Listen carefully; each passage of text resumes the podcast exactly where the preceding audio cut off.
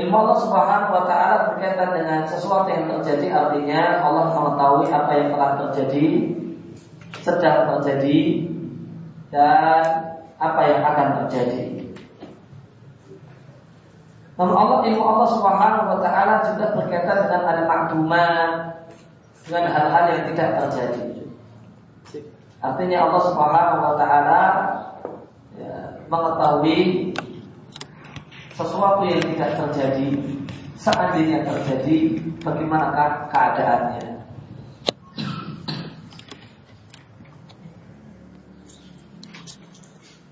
Sebagaimana Allah katakan di satu ayat, seandainya ada beberapa ilah di jagat raya ini, maka akan hancurlah jagat raya. Dan adanya lebih dari satu ilah, satu yang tidak terjadi. Dan Allah mengetahui seandainya itu terjadi ada beberapa ilah di jagat raya ini, maka apa yang terjadi? Allah katakan akan hancurlah alam semesta. Maka itu, itu, itu yang dimaksud dengan ilmu Allah berkaitan dengan makdumat dengan sesuatu yang tidak terjadi.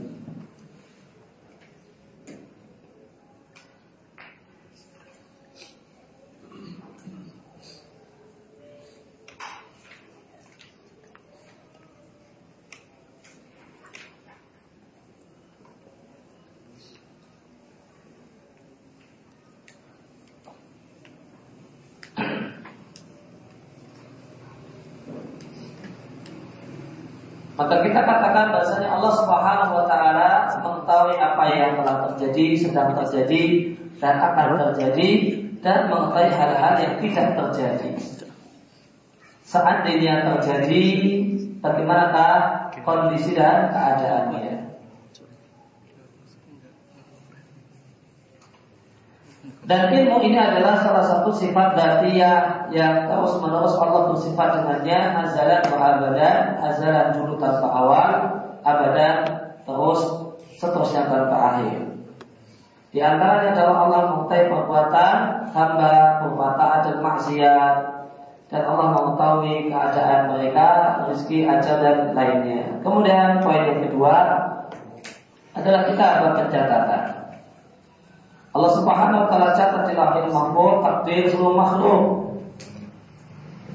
Pakaian terus maka tidaklah terjadi satupun fil qaul di jagat raya ini kecuali qad alimahullahu Allah mengetahuinya. Wa kataba dan Allah telah mencatatnya sebelum terjadinya. Kemudian penulis membawakan berdalil mendalili hal ini dengan sejumlah dalil dari Quran dan Sunnah.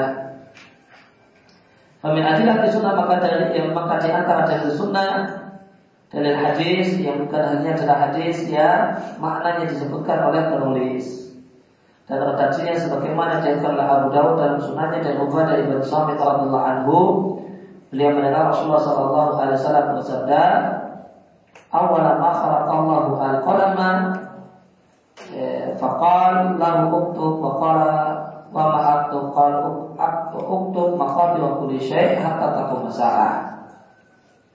Berkaitan dengan masalah penciptaan pena, maka pada saat Allah menciptakan pena, Allah katakan kepada pena catatlah. Maka dan pena pun berkata apa yang aku catat, Allah berfirman catatlah pada segala sesuatu sampai terjadinya kiamat. Maka di sini dalil menunjukkan poin kitabah wa anal maqadir kullaha maktubah dan bahasanya takdir seluruhnya itu telah tercatat. Berkaitan dengan masalah hadis ini, maka ada dua cara baca yang nanti e, terdapat perbedaan i'rab yang ini menyebabkan perbedaan makna. Ya, yang tadi saya bacakan adalah dengan menggunakan uh, mengi'rab awalan itu mansub dan al-qalamannya mansub. dikatakan Uya binas di awwala wal qadama. Diriwayatkan versi pertama mengatakan awal sama kolam itu dibaca nasab. Al-an al-kalama al-an al-kalama jumlatun wahidatun ya, sehingga e, kalam ini adalah satu rangkaian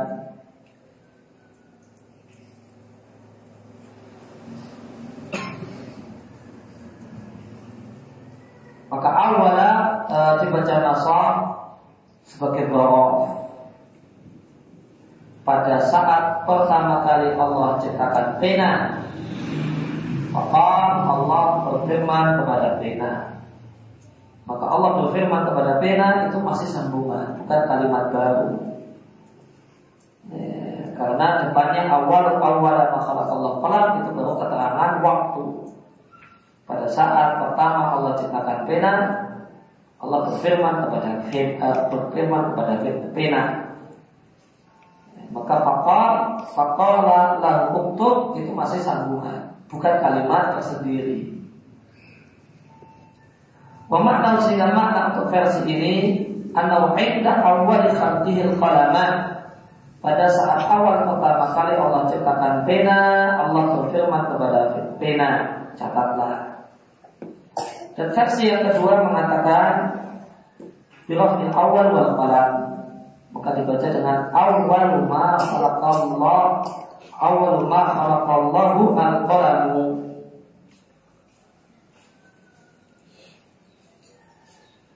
sehingga uh, dalam hadis ini terdapat dua kalimat. Kalimat yang pertama awal ma khalaqallahu al-qalam titik. Kemudian kalimat yang kedua pada lahu uktub itu adalah kalimat yang kedua. Saya pun makna sehingga maknanya makhluk yang pertama kali tercipta dari jagat raya ini adalah Al-Quran.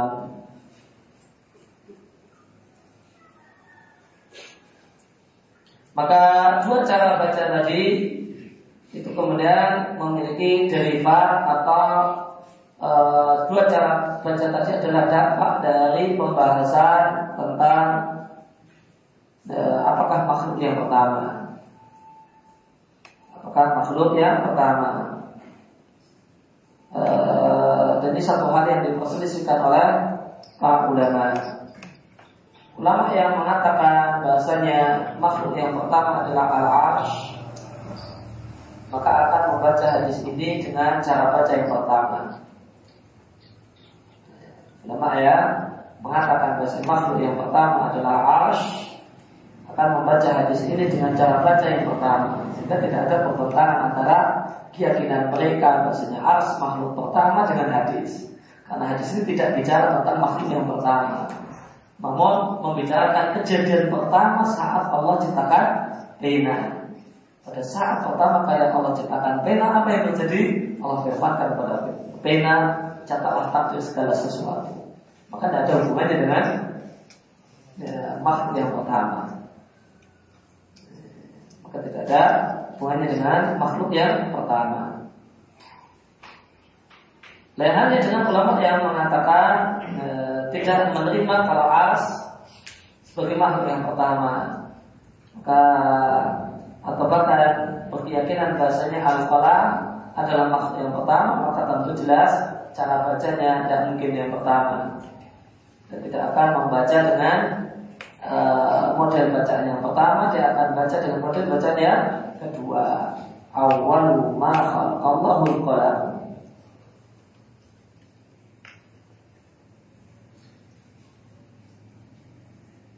Dan menurut kemudian cara baca yang kedua maka tadi dikatakan makna hadis maka awal makhlukat min hadzal alam yang pertama kali Allah ciptakan dari jagat raya ini dari alam ini adalah bainah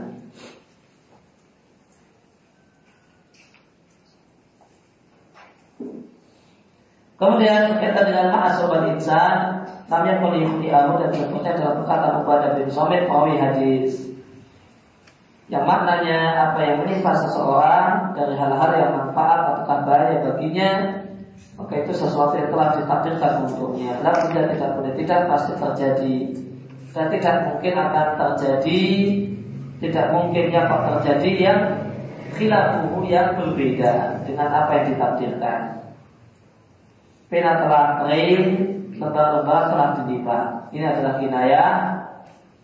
Eh, ini adalah kinayah bukan sesungguhnya, namun adalah metafor. Ansati kita batin maqadir wal farah minha makna yang diinginkan bahasanya pencatatan takdir itu telah dahulu dan telah selesai.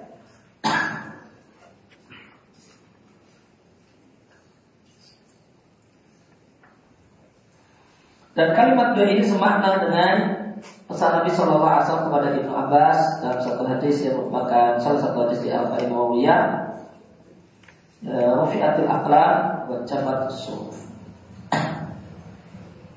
Pena-pena telah diangkat dan lembaga telah kering. Itu adalah metafor. Yang diinginkan, yang dimaksudkan adalah eh, takdir itu telah selesai. Deklarasi dan mimpi Kemudian uh, penulis menyebutkan dari dari Al-Quran. Di antara dari Al-Quran firman Allah Taala Alam ta'lam kita akan kau tahu di sini istighfar di sini ditakrir untuk menegaskan. Artinya maknanya alim saya Muhammadu. Engkau wahai Muhammad telah tahu dan telah yakin bahasanya Allah itu mengetahui semua yang di langit dan di bumi maka dalam kalimat ini terdapat ihatatul ilmi bahasa ilmu Allah meliputi alam atas yaitu langit dan alam bawah yaitu bumi. Maka ini berbicara dengan poin berkaitan dengan poin al ilmu. Inna dari hal tersebut yaitu Allah di bisa wal min maklumati berbagai hal yang Allah ketahui di langit dan di bumi itu semua kita ayat maktubun indahu telah tercatat di sisi Allah fi umul kita di lauhil mahfud yang nama lainnya adalah umul kita. Maka istilah umul kita bisa maknanya lauhil mahfud dan bisa maknanya al-fatihah. Wahati martabatul kita baiknya adalah poin pencatatan. Inna dalika Allah yasir itu mudah bagi Allah. Artinya ilmu Allah meliputi semua yang jalan dan di bumi demikian juga pencatatan takdir semuanya adalah satu hal yang mudah bagi Allah.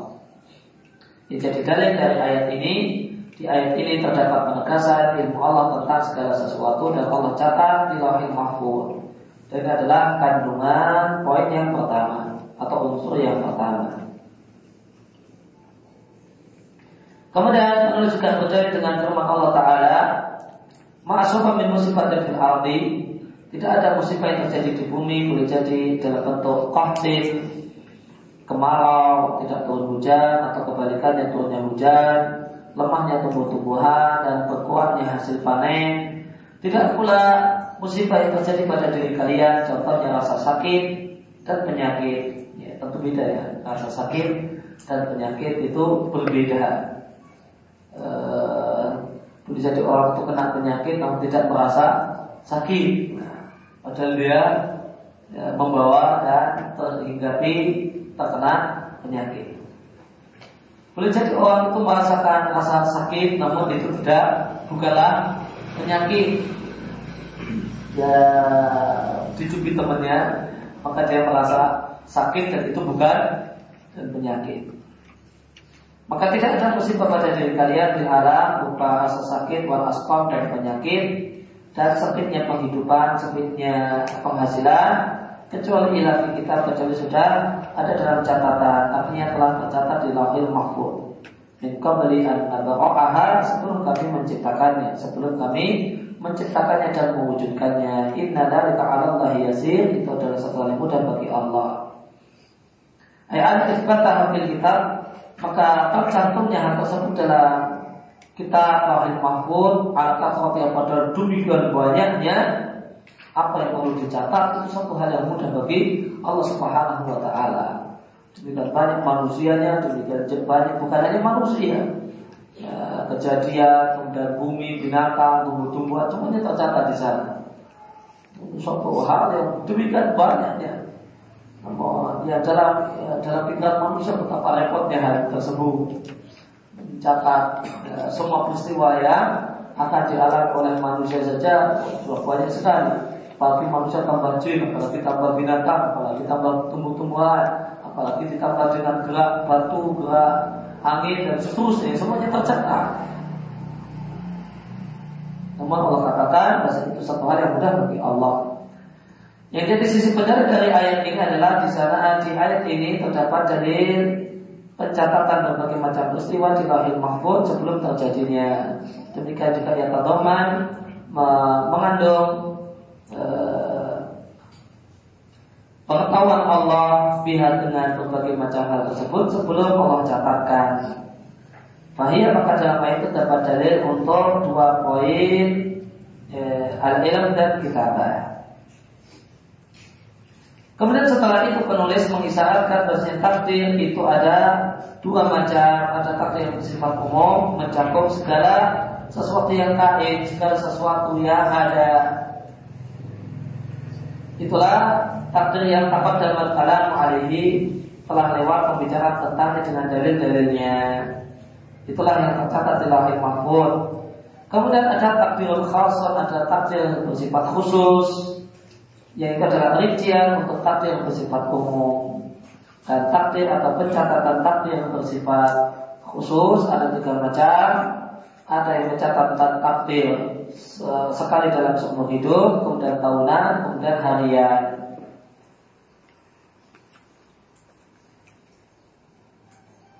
Itulah makna perkataan beliau dan takdir ini yang yang merupakan daripada ilmu Allah di sebagian tempat itu global, itu takdir bersifat umum, itulah pencatatan di lahir mahfud yang mencakup semua makhluk. Kemudian ada yang rinci, itulah takdir khusus, mufasalan atau mufasalan yang merinci takdir bersifat umum.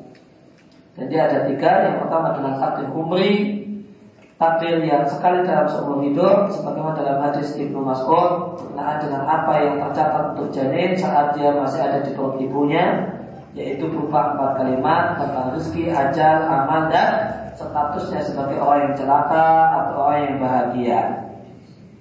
Dan takdir tahunan itulah yang ditakdirkan di malam Al-Qadar min waqa'i berupa berbagai macam peristiwa selama setahun ke depan. Sebagaimana firman Allah Taala, "Fiha" artinya di Lailatul Qadar yufraqu kullu amrin hakim. Dirincilah segala sesuatu itu segala takdir dan segala takdir Allah itu hakim penuh dengan kebijaksanaan penuh dengan hikmah Kemudian takdir harian adalah apa yang ditakdirkan berupa berbagai macam peristiwa harian, peristiwa dalam sehari, di hari itu ada orang yang lahir, ada yang mati, ada orang yang mulia, naik pangkat, naik jabatan, bergelar, dan ada orang yang ya, hina, jadi pensiun, dipecat, di PHK, dan yang lainnya. Sebagaimana firman Allah Taala, "Kulla yaumin wa Setiap hari Allah dalam kesibukan di surat Ar-Rahman. Ya, dari Abbas radhiyallahu anhu beliau mengatakan, Allah Subhanahu wa taala menciptakan rahim mahfud dari permata yang putih. E, dan tahu dua kopernya itu dari yakut yang berwarna merah, penanya dari cahaya, Wa kitabat dan tulisannya juga cahaya, lebarnya antara langit dan bumi. Allah memandangi lahir mahfud tersebut setiap hari 360 kali. Saat itu Allah menghidupkan dan mematikan, memuliakan dan menghinakan dan melakukan apa saja yang Allah kehendaki. Maka itulah makna firman Allah Subhanahu kulla yaumin wa fi Dan oleh Abdul Razak, Ibnu Mundir, atau Tuhan dan. Fahal al qadar maka takdir ini yang telah lewat penjelasannya dengan dua jenis. Dengan dua macamnya takdir yang bersifat umum dan bersifat khusus. Karena yungkirhu gulatul qadariyah diingkari oleh qadariyah ekstrim. Artinya al-muballighuna. Al-gulatul qadariyah artinya orang yang sudah berlebihan dalam mengingkari takdir. Maka mereka sampai mengingkari ilmu Allah tentang segala sesuatu sebelum terjadinya. Dan mengingkari kalau Allah itu mencatat segalanya di lahir mahfud dan yang lainnya mereka mengatakan bahasanya Allah memerintahkan dan melarang, kan Allah tidak tahu siapa yang akan taat dan siapa yang akan durhaka. Falamru unufun maka segala sesuatu itu unufun artinya mustaqnafun yaitu sesuatu yang baru tak yusbat fi ilmillah tidaklah didahului dalam ilmu Allah dan takdir Allah. Wahaulah dan ini kodaria jenis ini ulatul kodaria yang mengingkari unsur yang pertama poin satu dan dua ini dinilai kafir oleh para para imam dan para imam. Di antaranya adalah Imam Syafi'i dan lainnya. Ya, Maka tadi berkaitan dengan pengingkaran takdir, kalau detailnya kalau itu ya, ya, ya, takwilan, maka dirinci uh, maka tadi kita sampaikan secara global tidak kafir. Ya, namun nanti detailnya dibedakan antara e, dua martabat. Ya, unsur yang pertama atau unsur yang kedua. Jika perkiraan takdirnya itu sampai mengingkari ilmu Allah, ya anggap Allah itu tidak tahu apa-apa. Allah tidak tahu siapa yang nanti setelah Allah perintahkan untuk puasa, siapa yang puasa, siapa yang tidak puasa Allah tidak tahu. Allah baru tahu setelah ada yang puasa. Oh ini puasa. Nah, terus kemudian oh ini tidak mau puasa. Ya, baru setelah itu Allah tahu. Yang itu disebut dengan badak akidah bada akidah yang keyakinan yang meyakini bahasanya Allah itu baru tahu setelah terjadi Allah baru tahu setelah terjadi sebelum terjadi Allah tidak tahu oh ini jalan ini mau ke mana ini? Oh ke mau, mau ke lokalisasi oh, ternyata setelah sampai lokalisasi baru tahu oh ini mau ke lokalisasi. Sebelumnya ini Allah tidak tahu ini oh, mau jalan ke mana? Oh ini mau jalan ke masjid. Setelah sampai ke masjid oh mau ke masjid loh baru tahu setelah terjadi. Keyakinan adalah disebut dengan keyakinan pada orang mengingkari ilmu Allah Subhanahu wa taala. Dan ini adalah akidah Syiah. Adalah akidah Syiah. Anggapan bahasanya pada untuk Allah Subhanahu wa taala. Allah tahu setelah terjadi dan Allah tidak tahu sebelum terjadi. Siapa yang sampai punya keyakinan semacam ini berkaitan dengan menolak ilmu Meskipun dia katakan untuk taati itu takwil, maka itu kekufuran yang membatalkan iman. Takwil di sini tidak diterima. Takwil di sini eh, tidak diterima. Oh, ini karena otak atik dalil, salah paham dalil, kemudian berkesimpulan Allah tidak tahu. Ini bisa diterima. Ini adalah kekufuran. Meskipun alasannya adalah takwilan. Eh, tidak semua takwil itu makdum. Ya, tidak semua salah paham terhadap dalil itu kemudian dimaafkan. Karena hakulah gulatul qadariyah yang sampai kemudian mengikari ilmu dinilai kafir oleh para imam. Lakinnahu akan tapi mereka ini yang korban telah habis. Tidak ada lagi kemudian orang yang mewarisi akidahnya dari kalangan Qadariyah. Ya, adapun dari kalangan Syiah ya, ya, maka masih dijumpai dengan orang yang meyakini pada Misalnya Allah itu tidak tahu sebelum terjadi. Oleh karena itu maka uh, penulis mengatakan yang mengingkari hal ini di zaman ini sangat sedikit.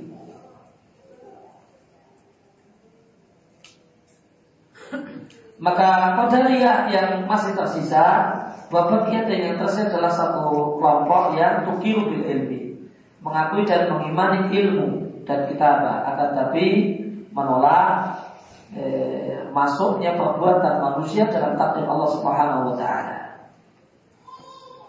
Watasqum dan kelompok tersebut beranggapan anak perbuatan manusia makhluk kotor lahum istiqlalan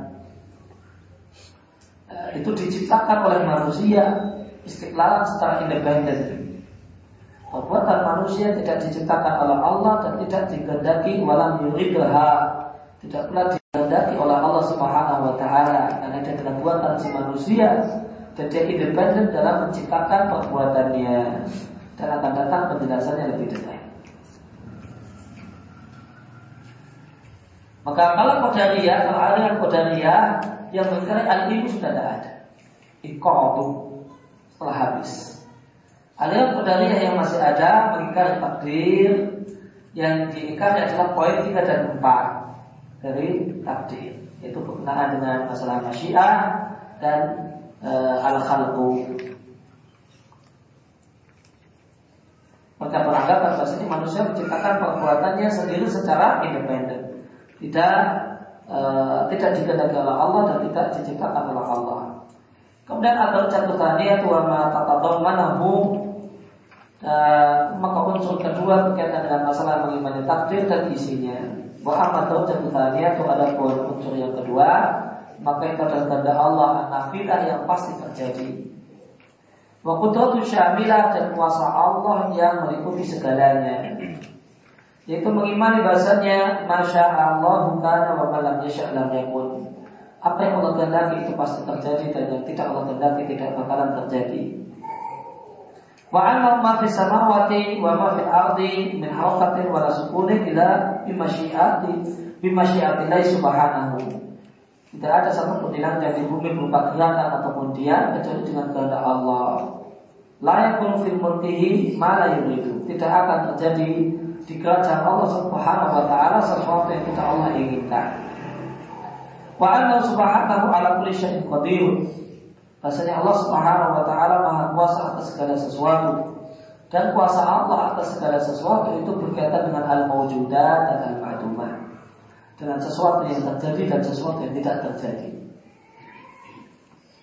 Kama min makhlukin fil ardi wala sama maka tidak ada satupun yang tercipta di langit tidak ada di bumi kecuali Allah penciptanya subhanahu. La khaliqa ghairuhu wa la siwahu. Tidak ada pencipta selainnya dan tidak ada karena tidak ada roh selainnya.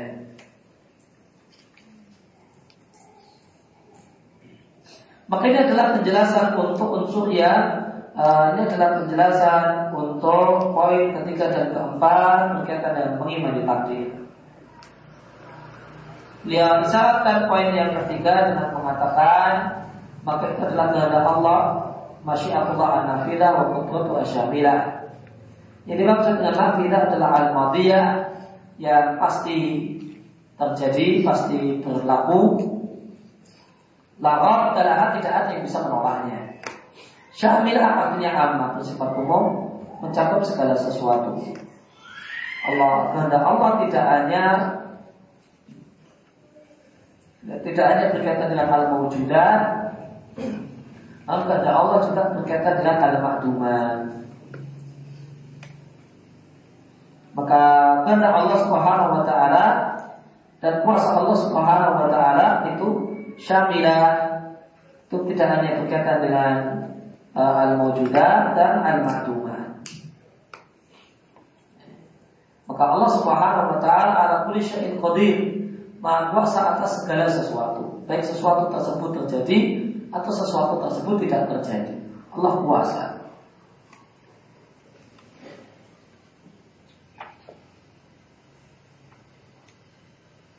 Maka dan kuasa Allah tidak hanya terbatas dengan apa yang terjadi. Berkaitan dengan masalah kudur Allah Subhanahu wa taala, qadir Allah Subhanahu wa taala, maka eh, sebagian eh, aliran eh, membatasi kudur Allah cuma dengan al-mawjudat.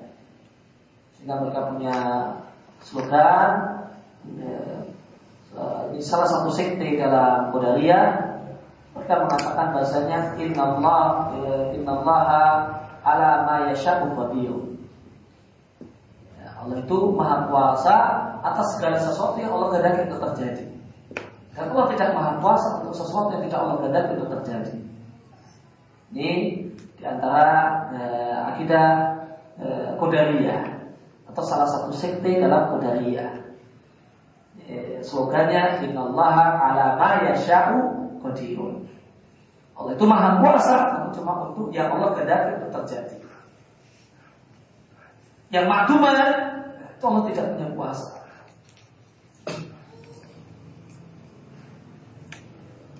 Maka ketika uh, ketika misalnya manusia ini kemudian terjadilah duduk tidak jongkok maka Allah tidak punya kuasa untuk terjadinya jongkok bagi si manusia. Karena itu tidak Allah kehendaki. Allah cuma berkuasa atas duduknya si manusia ini.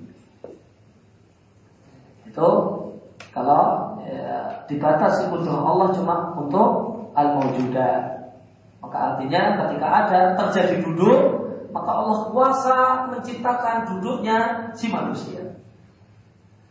Yang makduman Allah tidak kuasa. Allah tidak kuasa membuat dia itu jongkok, membuat dia itu e, terlentang.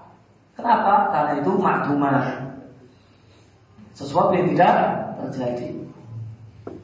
Sedangkan keyakinan ahlu sunnah sebagaimana yang dikatakan dalam banyak ayat, ya, Inna Allah ala kulli syai'in Allah Maha Kuasa atas segala sesuatu. Sesuatu di sini baik al-mawjudat ataupun al-ma'dumat. Sesuatu yang terjadi ataupun sesuatu yang tidak terjadi. Semuanya adalah uh, dalam kuasa Allah Subhanahu wa taala. Maka Allah kuasa, ada orang itu duduk si A itu duduk, Allah kuasa menciptakan duduknya si A. Sebagaimana Allah kuasa untuk menciptakan jongkoknya si A, terlentangnya si A dan seterusnya. Kekuasaan Allah meliputi semuanya. Tidak hanya terbatas pada sesuatu yang terjadi. Maka kalau masyiah memang berkaitan dengan apa yang terjadi. Al-masyiah berkaitan dengan al-mawjudah. Kalau udrah udrah Allah Subhanahu wa taala berkaitan dengan al-mawjudah wal ma'dumat. Segala sesuatu yang terjadi dan segala sesuatu yang tidak terjadi.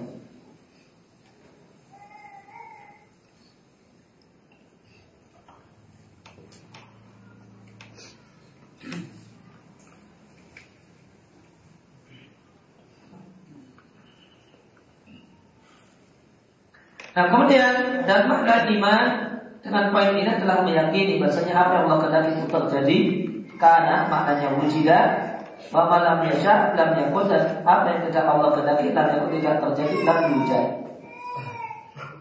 Maka karena itu ada karena nakis dan karena yang tam.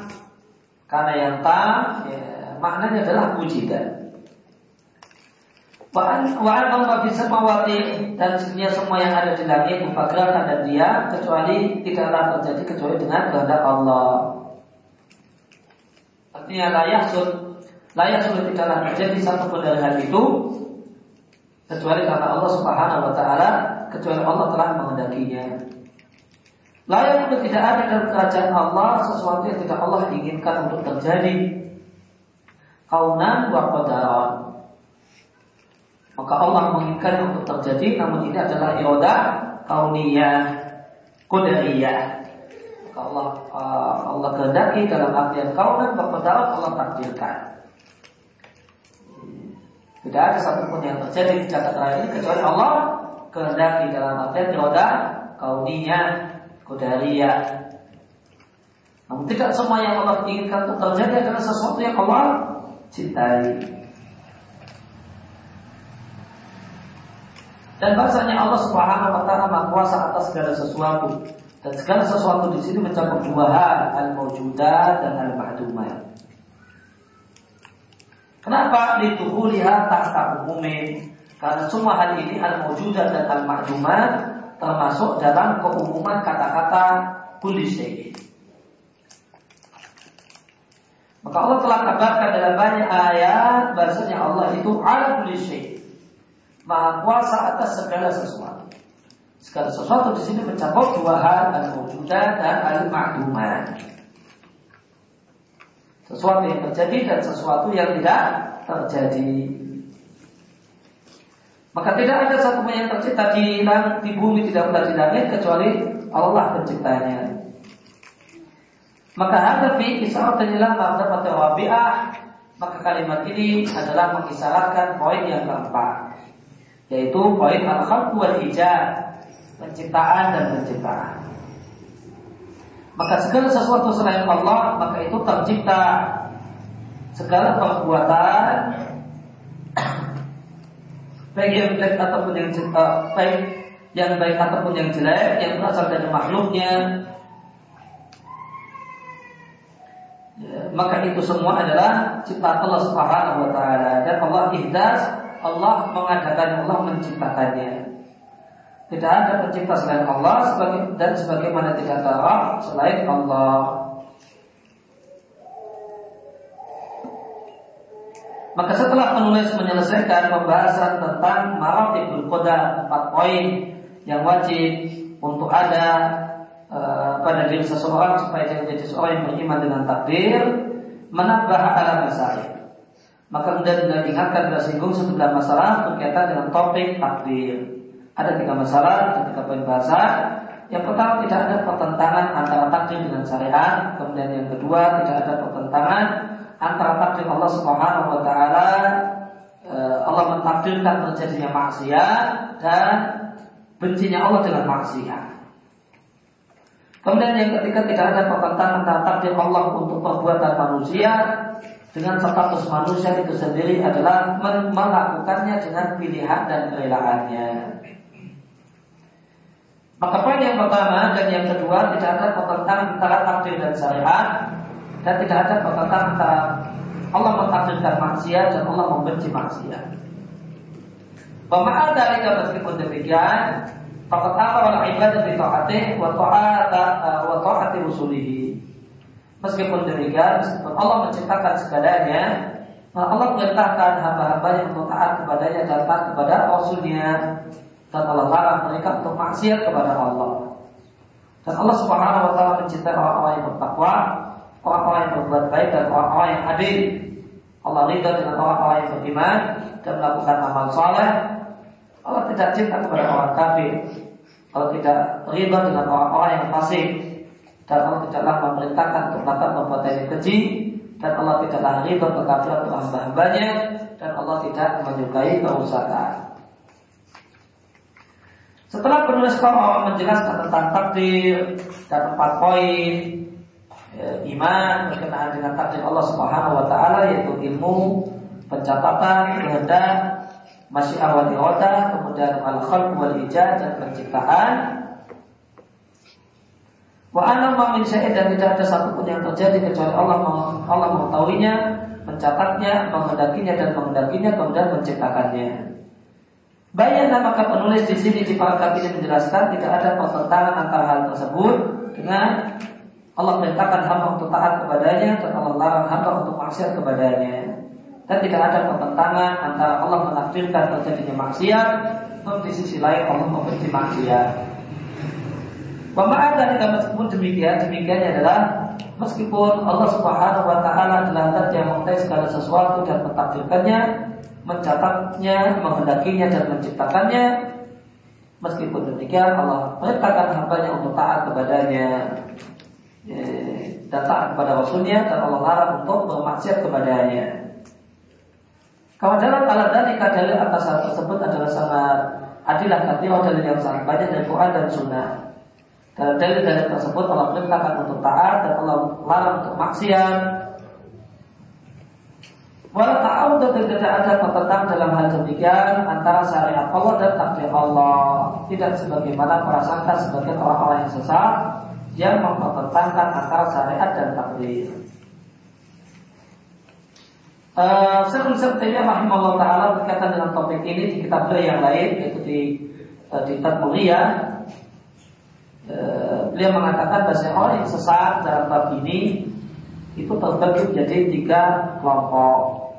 Ada yang beliau sebut dengan majusiyah, musyrikiyah dan ada iblisiyah. menyerupai majusi atau menyerupai orang musyrik dan meniru ya, iblis. Siapa itu majusia?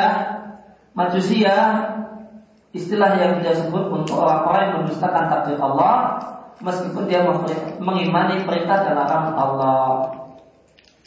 Fahulatuhum maka uh, majusia yang ekstrim mengingkari sampai ilmu dan kitab.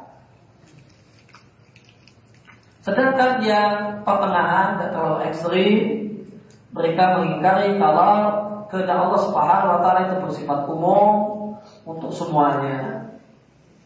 Dan mengingkari kalau Allah menciptakan dan berkuasa atas perbuatan-perbuatan manusia. Inilah Mu'tazilah dan Mu'tazilah itu adalah Qadariyah dalam bab takdir. Waman wafaqahu dan semua yang mencocoki mereka. Maka majusiyah sama dengan Mu'tazilah sama dengan Qadariyah. Kemudian uh, mereka gimana mereka itu mengimani perintah dan larangan Allah. Kamu tidak mengimani takdir.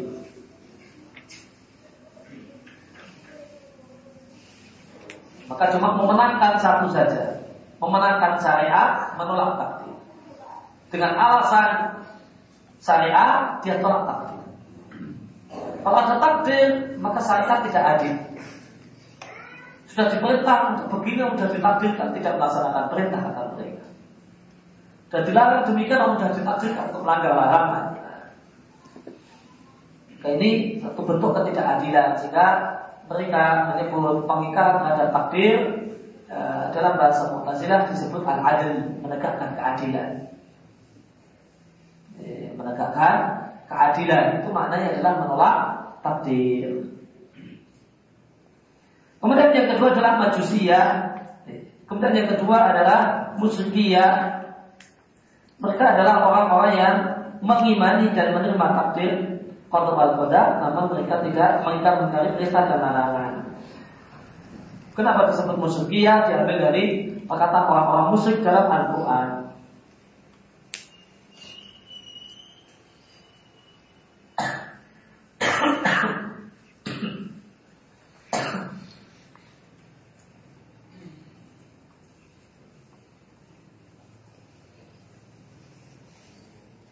Maka ya, jika ada orang yang semacam ini maka dia ketularan orang musyrik.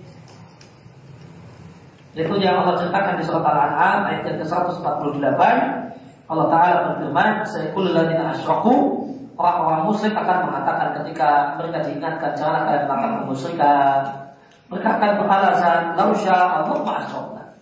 Seandainya Allah menghadapi, kami tidak akan melakukan kemusyrikan, walau apa dan yang kami juga tidak akan melakukan kemusyrikan wala haram min syai. Dan kami tidak akan mengharamkan sesuatu sesuatu yang tidak Allah haramkan. Seandainya Allah berkehendak. Pemerintah ja'al ta'til al-amri wa nahi, maka siapa yang berhujah untuk menihilkan perintah dalam Allah Subhanahu wa taala berhujah dengan takdir, bahwa bihamillah. Maka dia ketularan sifatnya orang musyrik yang Allah ceritakan di sejumlah ayat di antaranya dalam surat Al-An'am. Maka musyrikiah artinya adalah orang yang dia mengimani takdir kemudian dengan alasan takdir dia menolak perintah dan larangan. Dengan alasan mengimani takdir dia tolak perintah dan larangan Allah Subhanahu wa taala. Dia beralasan dengan takdir untuk melegalkan maksiat. Maka ini musyrikiah.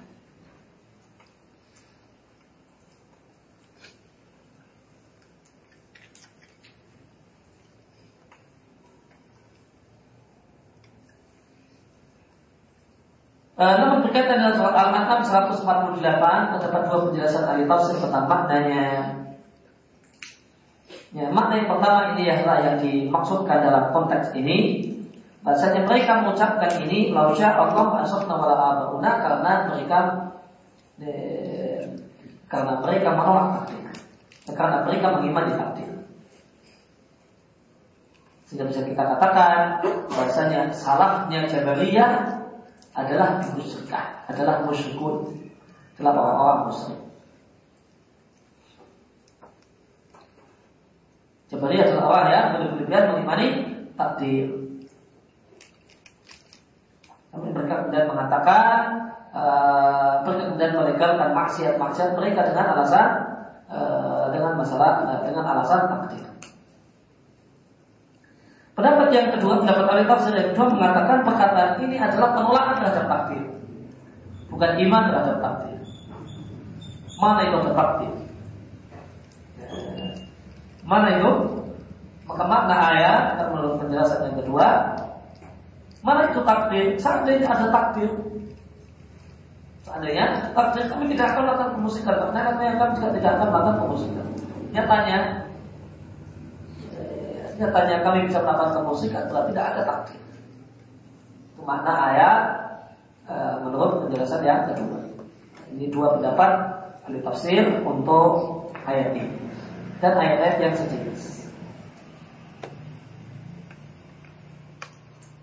Menuntut dari dua pendapat ahli tafsir ini yang diinginkan dalam konteks ini adalah e, penjelasan dan tafsiran yang pertama. Bahasanya mereka mengimani takdir.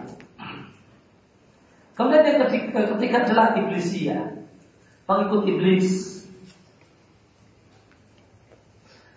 adalah orang-orang yang mengimani dan mengakui dua-duanya. Takdir diterima, uh, adanya perintah dan, dan larangan, syariat juga diakui. Namun mereka jadikan hal ini tanah kudor minarabi.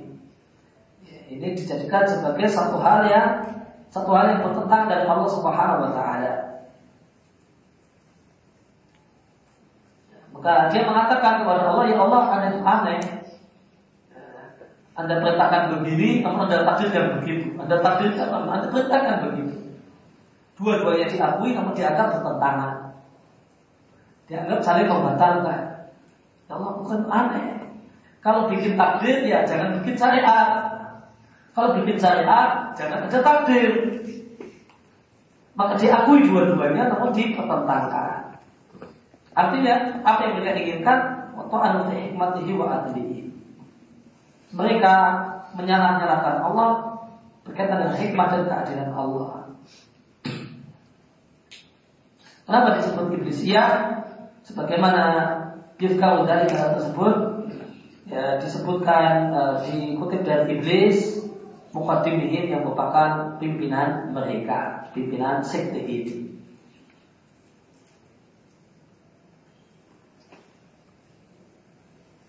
Ketika ini tidak ada sesat berkaitan dengan masalah kompromi antara takdir dengan syariat. Ketika ini adalah ketimpangan keyakinan sunnah mereka meyakini tidak hanya kemudian takdir namun juga syariat takdir diimani, syariat diimani dan itu diyakini sebagai dua hal yang tidak bertentangan. Wal maksud intinya bahasanya ucapan-ucapan di atas adalah ucapan buatan ahli orang-orang yang sesat. Ada orang-orang yang dapatkan hidayah dan keberuntungan maka mereka mengimani takdir dan syariat. Mereka mengimani bahasanya Allah adalah pencipta segala sesuatu, rohnya dan penguasanya.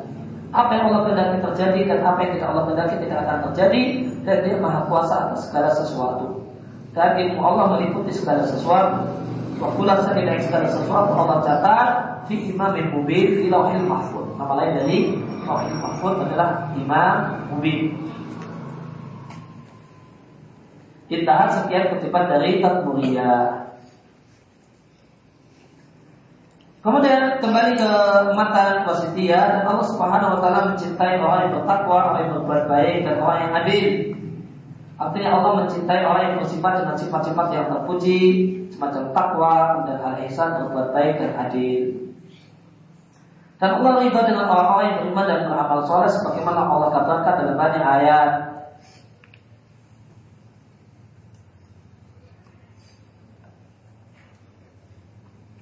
Nama tasafu bihi minal iman wal amal soleh karena mereka Allah meridha dengan orang yang beriman dan beramal soleh karena mereka ada pada diri mereka iman dan amal soleh. Allah tidak ridha dengan orang kafir, tidak ridha kepada orang-orang yang fasik. Artinya Allah tidak ridha dengan orang-orang yang ada padanya sifat-sifat ini yaitu sifat-sifat yang Allah benci yaitu contohnya kekafiran, kefasikan dan sifat-sifat tercela yang lain. Dan Allah tidaklah memerintahkan perbuatan yang keji. Yang dimaksud dengan fasya adalah matana hubuhu minal akwal wal afal. Segala ucapan dan perbuatan yang berada dalam puncak kejelekan. Tanah, tanah hadis artinya uh, akhir akhir dalam artian puncak. Yang sangat sangat keterlaluan jeleknya. Menurut toh yang sehat dan dalam dalam akal seorang muslim dan Allah tidaklah ridha e, dan sering kali fahsyat maknanya dosa-dosa besar. Karena semua semua dosa-dosa besar itu adalah dosa dan pelanggaran yang sangat jelek jika baik itu berupa ucapan ataupun perbuatan. Walayang terlibat al kuf dan Allah tidak lari ke kekafir untuk hamba-hambanya. Dan Allah tidak menyukai kerusakan karena jeleknya dua hal ini. Dan karena di dalamnya terdapat motor bahaya bagi adalah ibad wal untuk hamba dan untuk dunia.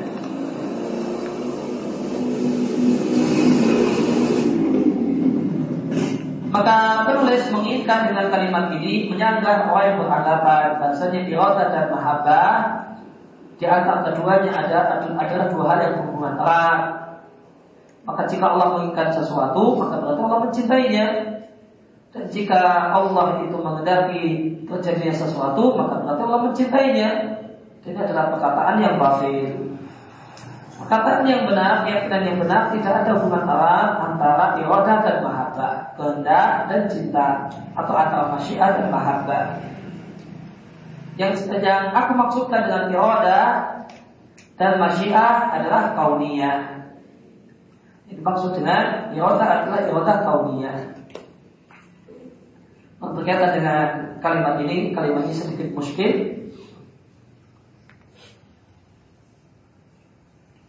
Eh, kalimat yang terakhir, akni al-iradata wal masyiata al-kauniyata, kalimat sedikit muskil. Tidak ada istilah kauniyah untuk masyiah.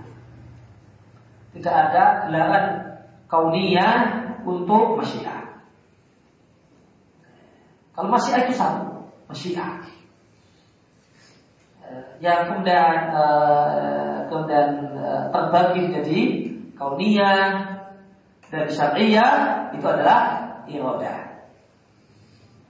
Yang terbagi jadi uh, terbagi menjadi kauniyah kemudian syariah diniyah itu iroda. Kalau masyiah itu tidak mengalami pembagian. Karena iroda kauniyah sama dengan masyiah.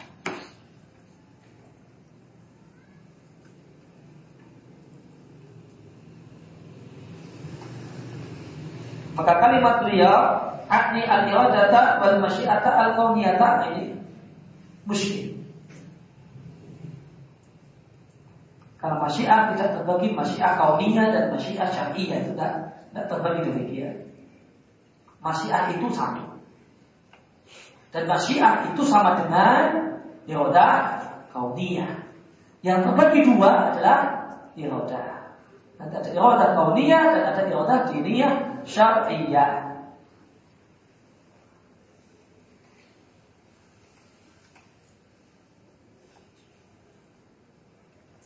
Maka yang al-afdal yang lebih baik kata-kata wal masyiah itu dihilangkan saja. Ya, yang lebih baik kalau ungkapannya tapi itu sudah tulisannya saya Soleh Fauzan jadi kita tidak bisa hapus bukan salah cetak. Namun uh, namun uh, seandainya kemudian uh, seandainya itu masyiah itu dibuat itu lebih baik. Akli data data kauniyah. Yang aku maksudkan dengan kata-kata iroda di kalimat sebelumnya adalah iroda kauniyah. Selesai.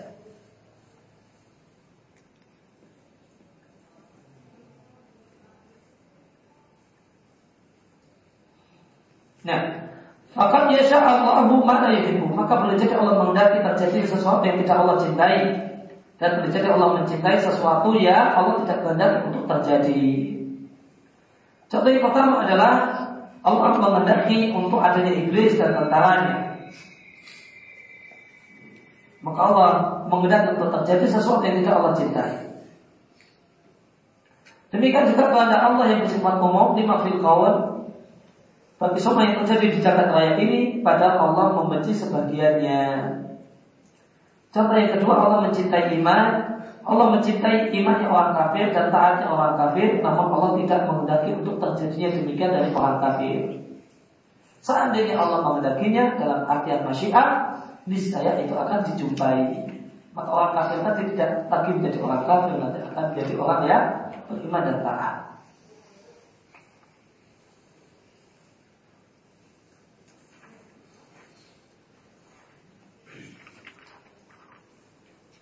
Kemudian yang ketiga, tidak ada pertentangan antara mengimani takdir dan menyandarkan perbuatan hamba sebagai perbuatan hamba secara hakiki dan bahasanya hamba melakukannya dengan pilihannya dan tidak dipaksa. Kalau misalnya rahimahullah taala wal dan hamba dan manusia itu melakukan secara hakiki adalah pelaku perbuatan secara hakiki dan Allah adalah pencipta perbuatan mereka. Wal dan hamba di sini Hamba itulah sendiri yang beriman, hamba itu sendiri yang kemudian kafir, albar yang bertakwa, yang fajir, yang suka bermaksiat, yang sholat dan yang puasa. Walil ibad dan hamba itu diyakini oleh al memiliki kemampuan untuk melakukan perbuatannya dan mereka juga punya kehendak dan Allah menciptakan mereka juga menciptakan kekuasaan mereka, kemampuan mereka dan kehendak mereka. Sebagaimana firman Allah Taala, untuk siapa saja dari di antara kalian yang ingin istiqomah dan tidaklah kalian berkehendak kecuali jika Allah Allah semesta alam menghendakinya. Bahari tawajjah dengan qadar yukat biha amatul qadariyah. Dan poin berkaitan dengan takdir ini yaitu masalah penciptaan ini didustakan oleh mayoritas Qadariyah yang disebut dan dinamai oleh Nabi Wasallam sebagai majusi umat ini. Namun uh, berkaitan dengan masalah uh, al-khalqu menciptakan perbuatan manusia dalam masalah ini ada juga sekelompok orang ahli ikhbar yang mengimaninya yang berlebihan dalam mengimaninya sampai-sampai menghilangkan dari hamba kemampuan hamba untuk berbuat dan hak pilih hamba untuk berbuat ataukah tidak berbuat. maka maka mereka keluarkan dari perbuatan Allah dan hukum-hukum Allah maka mereka keluarkan dari akalilah dan perbuatan Allah wa ahkami dan hukum Allah hukmaha wa masalihaha. Ya, hukumnya dan maslahat-maslahatnya.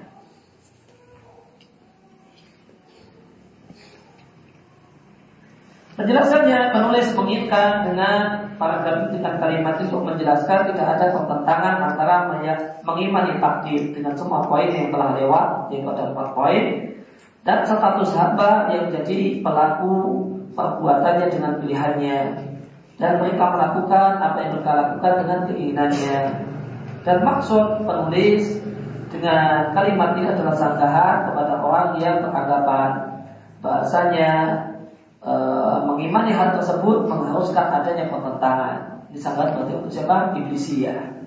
Yang beranggapan bahasanya mengimani dua-duanya itu adalah mengharuskan terjadinya pertentangan. Meminta maka karena dianggap bertentangan terlebih dahulu, maka sejumlah dari mereka sekelompok dari mereka berpandangan untuk bersikap berlebihan dalam mengimani takdir sampai-sampai menghilangkan dari hamba kemampuan hamba untuk berbuat dan pilihan hamba untuk berbuat. Kelompok yang kedua kemudian berlebihan dalam Mazhab Taifah dan kelompok yang kedua berpandangan berlebih-lebihan dalam menetapkan adanya perbuatan hamba dan hak pilih hamba sampai-sampai mereka jadikan hamba itu adalah menciptakan perbuatannya sendiri. Tidak ada hubungan antara perbuatan hamba dengan kehendak Allah dan perbuatan hamba itu tidaklah masuk dalam kekuasaan Allah Subhanahu wa taala. Kelompok yang pertama disebut Jabariyah karena mereka mengatakan dan meyakini bahasanya hamba itu mujibah, dipaksa untuk segala sesuatu yang muncul dari hamba tidak ada hak pilih bagi hamba di dalamnya. Sedangkan kelompok yang kedua disebut Qadariyah An-Nufa. Disebut Qadariyah An-Nufa. Ya, Qadariyah yang An-Nufa mengingkari takdir karena mereka mengingkari takdir. Kemudian penulis mengatakan dan hamba itu adalah pelaku perbuatan secara hakiki. Ini sanggahan untuk kelompok yang pertama, yaitu Jabariyah yang mereka mengatakan bahasanya hamba itu bukanlah pelaku sebenarnya dari perbuatannya.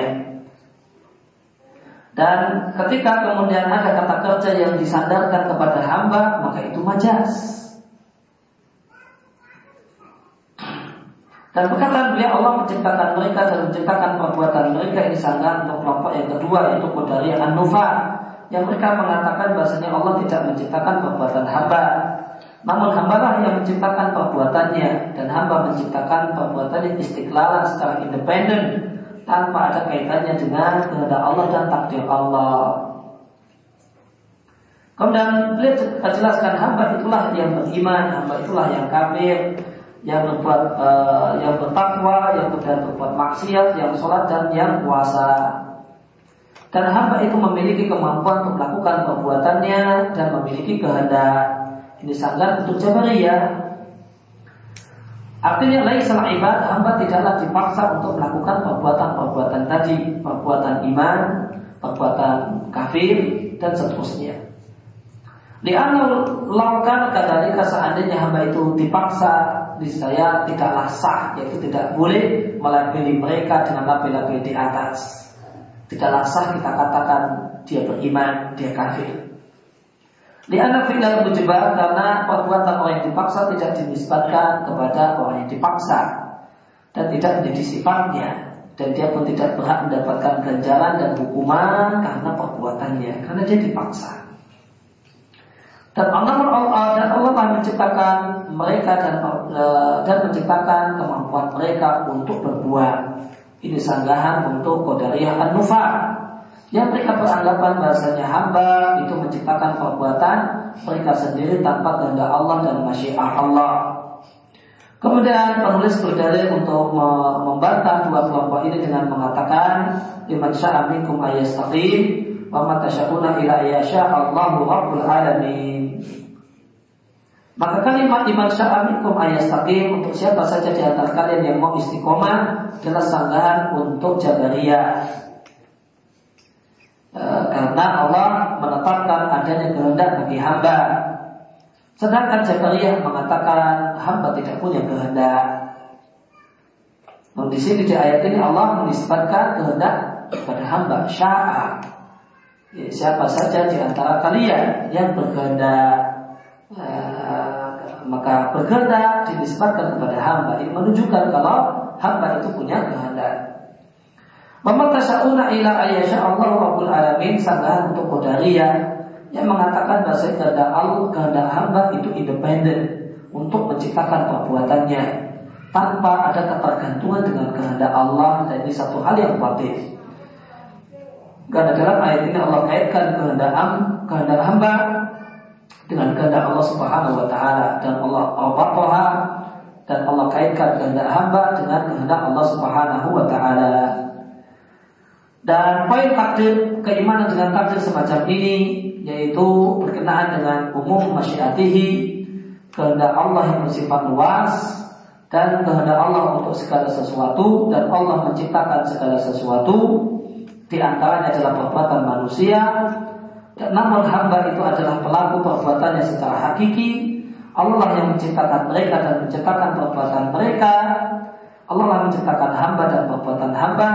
Poin masalah keimanan dengan takdir ini didustakan, diingkari oleh mayoritas Qadariyah. Yang dimaksudkan adalah Qadariyah An-Nufa. Di mana mereka beranggapan bahasanya hamba itu menciptakan perbuatannya sendiri tanpa kehendak Allah dan kehendak Allah. Yang uh, Qadariyah An-Nufa ini Nabi namai dengan sebutan majusi umat ini. Karena mereka suka dengan orang-orang majusi Orang Majusi adalah orang-orang yang meyakini adanya dua pencipta. Itulah Tuhan cahaya dan Tuhan kegelapan. Kemudian orang-orang Majusi mengatakan yang baik-baik adalah perbuatan Tuhan cahaya dan kejahatan adalah perbuatan Tuhan kegelapan. Maka jadilah mereka orang-orang Majusi disebut juga dengan sebutan Sanawiyah yang mengimani dua Tuhan, dua pencipta. Demikian juga Qadariyah di mana mereka menetapkan adanya pencipta selain Allah Subhanahu wa taala karena mereka beranggapan dan berkeyakinan manusia itu menciptakan perbuatannya tanpa kehendak dan masyiah Allah Subhanahu wa taala. Namun mereka secara independen, manusia secara independen itu menciptakan perbuatannya sendiri. Namun uh, seseorang mengatakan bahwa dia pun namun tidak terdapat dalil yang valid Masih Nabi Wasallam menamai Qadariyah dengan sebutan majusi umat ini karena litaakhur duhurihim karena kemunculan mereka duhur kemunculan mereka itu belakangan setelah wafatnya Nabi Shallallahu Alaihi Wasallam. Maka mayoritas mayajibu min damihim mayoritas riwayat yang datang berkenaan dengan celaan untuk Qadariyah adalah hadis-hadis mauquf perkataan para sahabat. Ya, berkaitan dengan masalah hadis Bahasa Qadari adalah majusi umat ini Hadis ini diperselisihkan oleh ulama. Ya, Kalau adanya hadis ada. Adanya hadis, adanya riwayat Ada. Namun Hadis-hadis yang Ada banyak hadis namun adakah hadis-hadis tersebut kemudian bisa kemudian naik menjadi derajat hasan sehingga bisa menjadi dalil ataukah tidak atau semuanya dhaif yang tidak bisa terangkat satu hal yang diperselisihkan oleh para ulama ahli hadis. Ya sebagian ulama mengatakan uh, sebagian ulama mengatakan semuanya dhaif dan tidak bisa terangkat. Ya, semuanya dhaif dan tidak terangkat. Namun ada sebagian ulama semacam Sa'al al-Bani rahimahullah taala beliau menghasankan salah satu uh, riwayat untuk hadis yang mengatakan bahasa Qadariyah adalah majusi umat ini. Uh, beliau nilai hasan salah satu riwayatnya. Sebagaimana ditakhrij beliau untuk sarah akidah Tuhawiyah. Dan perkataan Ibnu Taimiyah mengisyaratkan bahasanya beliau juga mensahihkan atau menghasankan hadis tentang Qadariyah adalah majusi umat ini. Nah, dengan beliau tegas mengatakan dan menisbatkannya kepada Nabi sama humun Nabi Nabi Shallallahu Alaihi menamai mereka maka ini isyarat isyarat kuat bahasanya beliau menilai kuat menilai minimal hasan hadis tentang Qadariyah adalah majusi umat namun catatan penting berkaitan dengan masalah perkataan sesuatu al-Fauzan adapun alasan yang beliau sampaikan maka itu alasan yang tidak bisa diterima kalau beliau mengatakan layak pun karena yang baik selesai tidak masalah. Tapi kalau beliau mengatakan alasan beliau uh, ma, ma, ma, tidak menerima hadis ini, tidak uh, beliau mengatakan Nabi sebut ani Nabi dengan alasan dengan alasan logika yaitu apa? Ta'akhur duhurihi maka satu tidak bisa kita terima. Dan masalah ta'akhir duhur setelah wafatnya Nabi baru muncul, sebagaimana Nabi mengkabarkan tentang khawarij. Dari ta'akhir duhur, khawarij munculnya belakangan di masa Ali. Sebagaimana Nabi mengkabarkan tentang asal usaha, tanda-tanda kiamat dan itu juga ya, ta'akhir duhur. Yang maka yang bermasalah dalam kalimat ta'akhir duhur. Kalau seandainya beliau mengatakan layak dari Nabi Shallallahu Alaihi karena riwayatnya adalah lemah, sebagaimana dikatakan oleh para ulama hadis fulan dan fulan, maka tidak masalah di kalimat ini, ya kan? Namun kalau kemudian alasan kemudian mengatakan Nabi Yahbud dari Nabi Shallallahu Alaihi tidak valid dari Nabi, baik dengan alasan adalah ta'ahuduhu, maka ini alasan yang tidak pada tempatnya. Ini alasan yang tidak kuat, alasan logika dan ini tidak tepat di pembahasan hadis. Ya, di bab pembahasan hadis. Kecuali kalau itu sebagai penguat.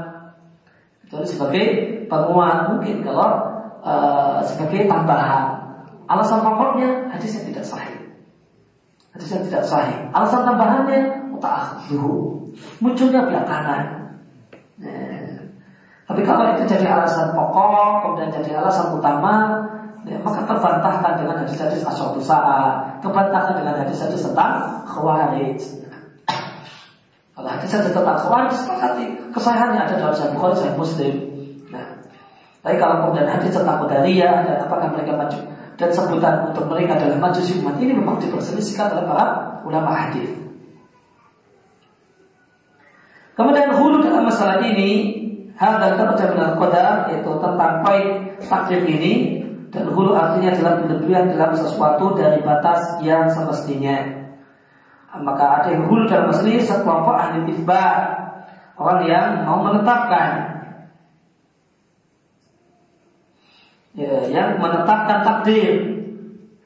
Fa'ilun yahlu ya, min ahli isbat adalah fa'il dari yahlu.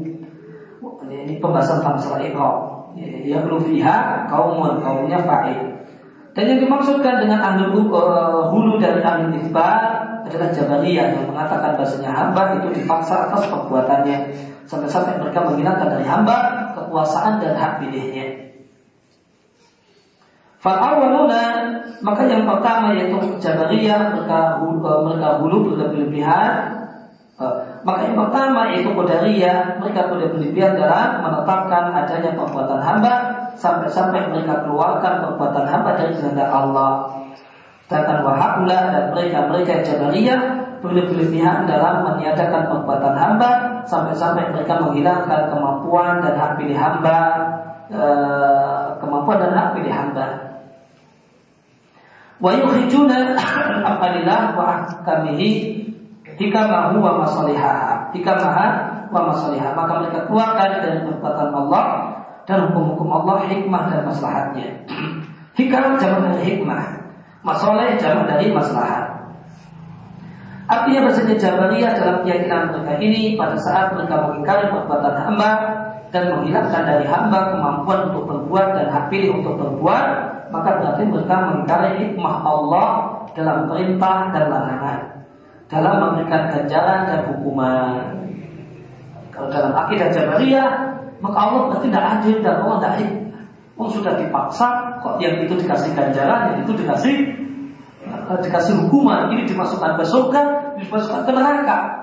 Ini udah hikmah dalam akidah Jabariyah. Ketika orang itu dipaksa untuk melakukan perbuatan maksiat atau untuk taat, yang dipaksa untuk taat kemudian masukkan surga, yang dipaksa untuk maksiat masukkan neraka. Allah tidak ada. Tidak hikmah. Tidak menempatkan sesuatu pada tempat itu mereka orang-orang yang dipaksa. Itu kalau pakai akidah Jabariyah. Fakalu maka mereka mengatakan bahasanya Allah memberikan ganjaran dan hukuman kepada hamba ala ma laysa pada itu sebenarnya adalah sesuatu yang bukan perbuatan hamba. Allah memerintahkan manusia untuk melakukan sesuatu yang mereka tidak punya kemampuan untuk melakukannya. Maka mereka menuduh Allah Subhanahu wa taala dengan tuduhan zalim. Dan mereka hakikatnya menuduh Allah al-abas main-main. Ya, main main. Cuma jadi mainan. Dipaksa untuk begini masukkan situ. Dipaksa untuk begini masukkan situ. Berarti manusia Allah cuma sekedar untuk main-main saja. Tak kalau amma yakuluna uluwan kabira mati. Allah dari apa yang dikatakan setinggi tinggi ya demikian kita baca dan kita bahas kesempatan eh, pagi hari ini. Selesai pembahasan tentang masalah takdir kemudian di pertemuan yang akan datang kita akan masuk pembahasan yang lain tentang masalah pelaku dosa besar dan uh, sahabat.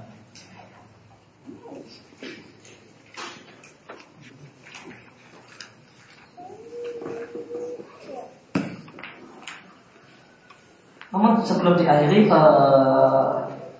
berkaitan dengan masalah hisab dan tentang yang tidak masuk surga tanpa hisab main uh, di hari Ahad yang lewat kita sampaikan bahasanya dalam hadis Ibn Abbas ada 70 ribu umat Islam yang masuk Islam dan yang masuk surga tanpa hisab. Kemudian saya katakan uh, bahasanya per satunya itu ditambahi 70 ribu. per satu dari mereka akan ditambahi 70 ribu. Kalau hadis yang mengatakan 70 ribu itu hadis dari sahabat Ibnu Abbas mutafakun alaih. Sedangkan uh, perkataan saya yang saya uh, ahad kemarin saya, saya sampaikan bahasa tiap satunya itu ditambah 70 ribu itu adalah asalnya adalah perkataan saya Utsaimin di saraf beliau untuk lembaga itikaf. Tiba pembahasan tentang masalah Isa. Beliau mengatakan bahwa hisab itu bersifat umum untuk semua manusia kecuali orang-orang yang Allah kecualikan. Ya, kecuali yang dikecualikan oleh Nabi Shallallahu Alaihi Wasallam dan mereka adalah satu alfan 70 ribu dari umat ini di antaranya adalah Ukasah bin Mihsan yang masuk surga tanpa hisab dan tanpa ada mutafakun alaih hadis yang diriwayatkan oleh Bukhari dan Muslim dari sahabat Ibnu Abbas. Bahwa Ahmad dan dia Imam Ahmad dan hadis sahabat marfu'an secara marfu' e, kata beliau kutipan dari beliau anna ma'a kulli wahidin sebain alfan. Bahasanya bersama setiap satu ditambah 70 ribu. Kalau Ibnu Kathir, Ibnu Kathir mengatakan hadis yang sahihun wa dzakara syawahid dan Ibnu Kathir menyebutkan adanya penguat untuk hadis tersebut. Namun di sini uh, asal perkataan saya dan perkataan saya Utsaimin di salah atau Itiqad namun muhakkik uh, pentahqiq salah uh, atau Itiqad saya Utsaimin memberikan catatan kaki uh, menyebutkan hadis yang dia maksudkan, hadis yang derajatnya Hasan dari Thauban dari di dalam Mujam Al-Kabir uh, dari Sauban, ini dari Sauban, Sauban mengatakan aku mendengar Rasulullah Shallallahu Alaihi Wasallam bersabda, Inna Rabbi Azza wa Jalla wa'adani min ummati sab'ina alfan. Ya Allah Rabbu memberikan berjanji kepadaku Min umat dan umatku ada 70 ribu Yang lain hasabuna tidak dihisab. Kemudian beliau mengatakan Ma'akuli alfin. Ini di, ini di takhrijnya Disampaikan Ma'akuli alfin sebagai alfan Setiap seribunya ditambahi 70 ribu Redaksi yang dibawakan oleh muhakkik oleh pentahrij setiap seribu ditambahi tujuh puluh ribu. Tapi kalau perkataan saya Nuthaimin di salah satu etikot ma'akulli wahidin bersama setiap satunya ditambahi tujuh puluh ribu. Maka uh, wallahu a'lam ya, kalau hadisnya maka kesemuanya tadi derajatnya Hasan dan redaksinya adalah setiap seribu ditambahi tujuh puluh ribu sehingga tujuh puluh ribunya cuma 70 ribunya cuma kali 70 saja. Ya. Kalau perkataan saya Utsaimin mengatakan setiap satunya ditambahi 70 ribu. Mungkin apa kemudian ada redaksi lafaz yang lain atau atau kemudian ada yang salah cetak perkataan saya Utsaimin salah cetak misalnya. Uh, akan saya tidak tahu secara tegas dan pastinya. Namun realitanya perkataan beliau yang ada uh, di salah satu itiqad per satunya ditambah 70 ribu namun kata muhakkik hadis yang ada adalah setiap seribunya ditambah 70 ribu